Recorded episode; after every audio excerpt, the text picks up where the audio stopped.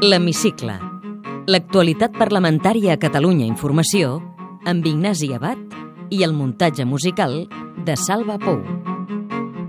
L'anunciat xoc de trens institucional pel procés sobiranista comença a prendre forma. Aquesta setmana les Corts Espanyoles han aprovat una moció contra la consulta. Moción sobre las medidas que piensa adoptar el gobierno sobre el proyecto secesionista de Artur Mas. Mentre en una reunió al Parlament de Catalunya el Pacte Nacional pel Dret a Decidir acordava dimecres mobilitzar-se per defensar la consulta. El coordinador del pacte, l'expresident de la cambra Joan Rigol, demana obviar qualsevol debat sobre el sentit del vot. ens hem de guanyar primer el poder votar i un cop puguem votar llavors decidirem cadascú si vota independència o vota una altra cosa.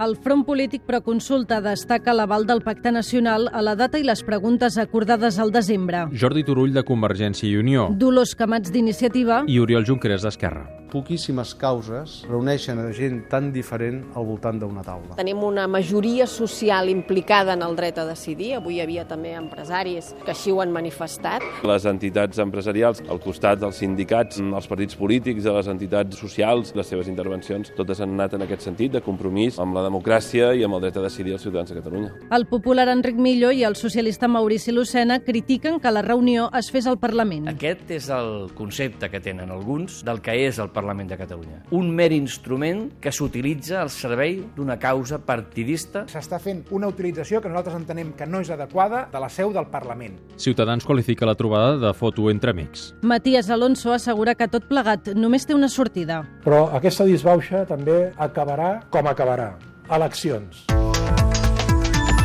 Aquesta mateixa setmana, la directora de l'Autoritat Catalana de Protecció de Dades ha dit que no veu problemes en l'ús del padró per a la consulta a partir de la llei que es tramita al Parlament. Maria Àngels Barberà responia així preguntes de Carina Mejías, de Ciutadans, i Gemma Calvet d'Esquerra a la Comissió d'Afers Institucionals. pot organitzar consultes, sempre dintre de l'àmbit de les seves competències, però no per l'elaboració d'un referèndum il·legal. Avisar-la de que en cas de que això es produeixi, la seva autoritat de protecció de dades tindrà una llau de reclamacions. L'exercici d'un dret fonamental com el dret a participar políticament té alguna relació amb el principi de finalitat? Des del punt de vista de la finalitat, a nosaltres no ens planteja cap problema, senyora Mejías, perquè és que és lògic que quan s'utilitzi el padró per fer una consulta que la Generalitat estableix aquest Parlament, decidirà quines competències té la Generalitat per fer-ho o no fer-ho. A la mateixa comissió dimecres es va aprovar que comparegui la delegada del Govern Central pel suposat control d'estelades a Sant Celoni per part de la Guàrdia Civil. amb els únics vots en contra del Partit Popular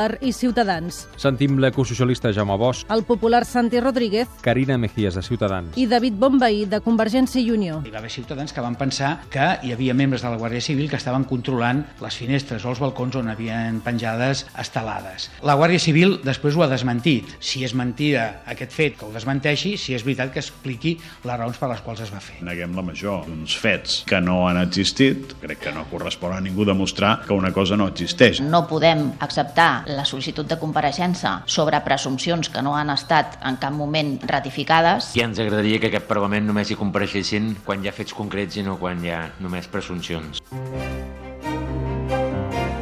El món cultural ha reclamat aquesta setmana al Parlament la rebaixa de l'IVA. En la compareixença per valorar la proposició de llei d'Esquerra per reduir aquest impost en els productes culturals, el sector ha denunciat els efectes irreparables de la pujada. Ho exposaven dimecres a la Comissió de Cultura el programador musical Lluís Torrent, el productor teatral Daniel Martínez, l'exhibidor de cinema Camilo Tarazón i el promotor Jordi Gratacós. No podem repercutir la pujada de l'IVA a les entrades. Amb la situació en la que estem, la gent no té prou diners. Hem d'absorbir nosaltres aquest IVA. Més enllà dels dos euros que pugui pujar una entrada, el gran efecte és que, com que no els hem pujat, ha anat directament al marge que no teníem de les empreses i l'única solució per subsistir és una baixada de les cartelleres en la seva varietat En quant a l'efecte IVA, en el 2011 els espectadors van caure un 4,46%, el 2012 un 5,81%, el 2013 14,85%. Entre un 9 i un 10% de diferència l'atribuïm a l'IVA. Lo de l'IVA ha sigut una estocada, encara que es tregui aquesta eh, estocada, el sector continuarà ferit. Des del món teatral i de l'edició, Anna Rosa Sisquella i Ernest Folk coincideixen a atribuir la pujada de l'IVA cultural a motius ideològics. Davant dels arguments del diputat del PP, Joan Milian.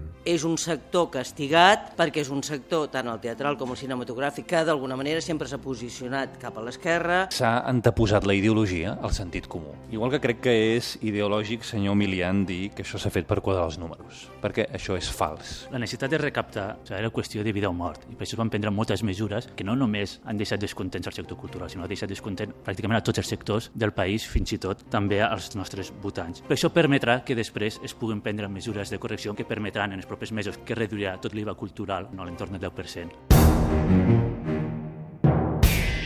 El conseller Santi Vila va anunciar dimecres en comissió que abans del 2017 es crearan tres nous parcs naturals. En la primera fase crec que és absolutament necessari que declarem el Parc Natural de les Capçaleres del Ter i, a l'entorn de l'any 16, declarar el Parc Natural del Montsec. Hi ha una tercera declaració que també crec que és absolutament necessària, que és el Parc Natural de les Muntanyes de Prades.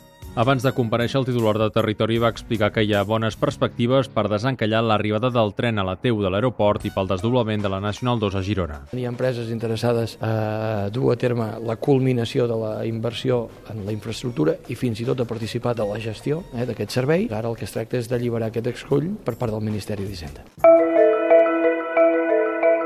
La consellera Neus Monté vol analitzar amb la resta de comunitats autònomes l'efecte de la reforma local sobre els serveis socials. Ho va explicar dimecres a la Comissió de Benestar. He explicat als grups parlamentaris que he demanat a la ministra Mato una convocatòria del Consejo Territorial per tal de poder valorar l'impacte que aquesta llei té sobre els serveis socials de proximitat. El Parlament justament va acollir dilluns i dimarts una jornada sobre les conseqüències de la llei de racionalització i sostenibilitat de l'administració local. El president de l'Associació Catalana de Municipis, Miquel Buch, demana a tots els ajuntaments que aprovin mocions de suport a un recurs d'inconstitucionalitat. El que no podem fer els ajuntaments és deferir. Nosaltres ens hem de preocupar, siguem electes o siguem tècnics, de que tots els plens de Catalunya s'aprovi aquest recurs d'inconstitucionalitat. És vital.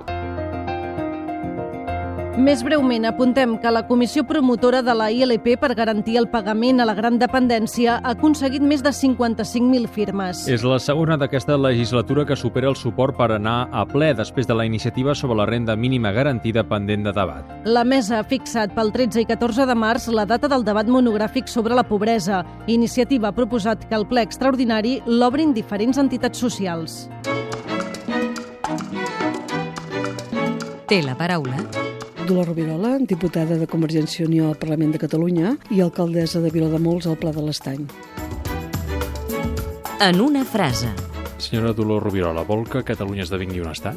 Sí. I que aquest estat sigui independent? Sí. Què passa si la convocatòria de consulta és impugnada? Doncs que després haurem d'anar amb eleccions, el que sempre ha dit el president. Una reforma constitucional pot resoldre l'encaix de Catalunya amb Espanya? Podria ser, però jo crec que ja arriba massa tard. Percep símptomes de recuperació econòmica? Diuen que n'hi han, però m'agradaria més copsar-ho més amb la gent del carrer. Ha estat mai a la cua de l'atur? Sí. Ha pagat o cobrat mai en negre? No, Posaria la mà al foc que ningú ha comès mai cap irregularitat al seu partit? no la posaria per ningú, ni pel meu partit ni per ningú. Quins estudis té? Vaig arribar fins a batxillerat i vaig començar psicologia, però no vaig acabar de fer res de psicologia perquè vaig trobar feina. De què ha treballat abans de fer de diputada i d'alcaldessa? Bé, jo vaig treballar a la banca, que no em va agradar gens. Després vaig treballar durant 14 anys en una empresa de llibres de text. Quin art l'apassiona més? La música, Peix o carn? carn. Un plat? Diguem l'escudella i cardolla per quedar bé, però bueno, és que a mi m'agrada tot, eh? Com reparteix les feines domèstiques a casa? Ens ho Doncs repartim amb el meu marit, eh, que m'ajuda molt a les feines de casa. Jo planxo, també no l'he vist planxar mai, ni m'agradaria veure-ho. Jo poso les rentadores, també el rentaplats, però ell el que m'ajuda molt és amb la cuina. En quins pobles o ciutats ha viscut al llarg de la seva vida? Jo sempre he viscut al mateix municipi, però m'he canviat de poble. El meu municipi de Vilademuls té 12 pobles. Jo he nascut al poble de Vilafreser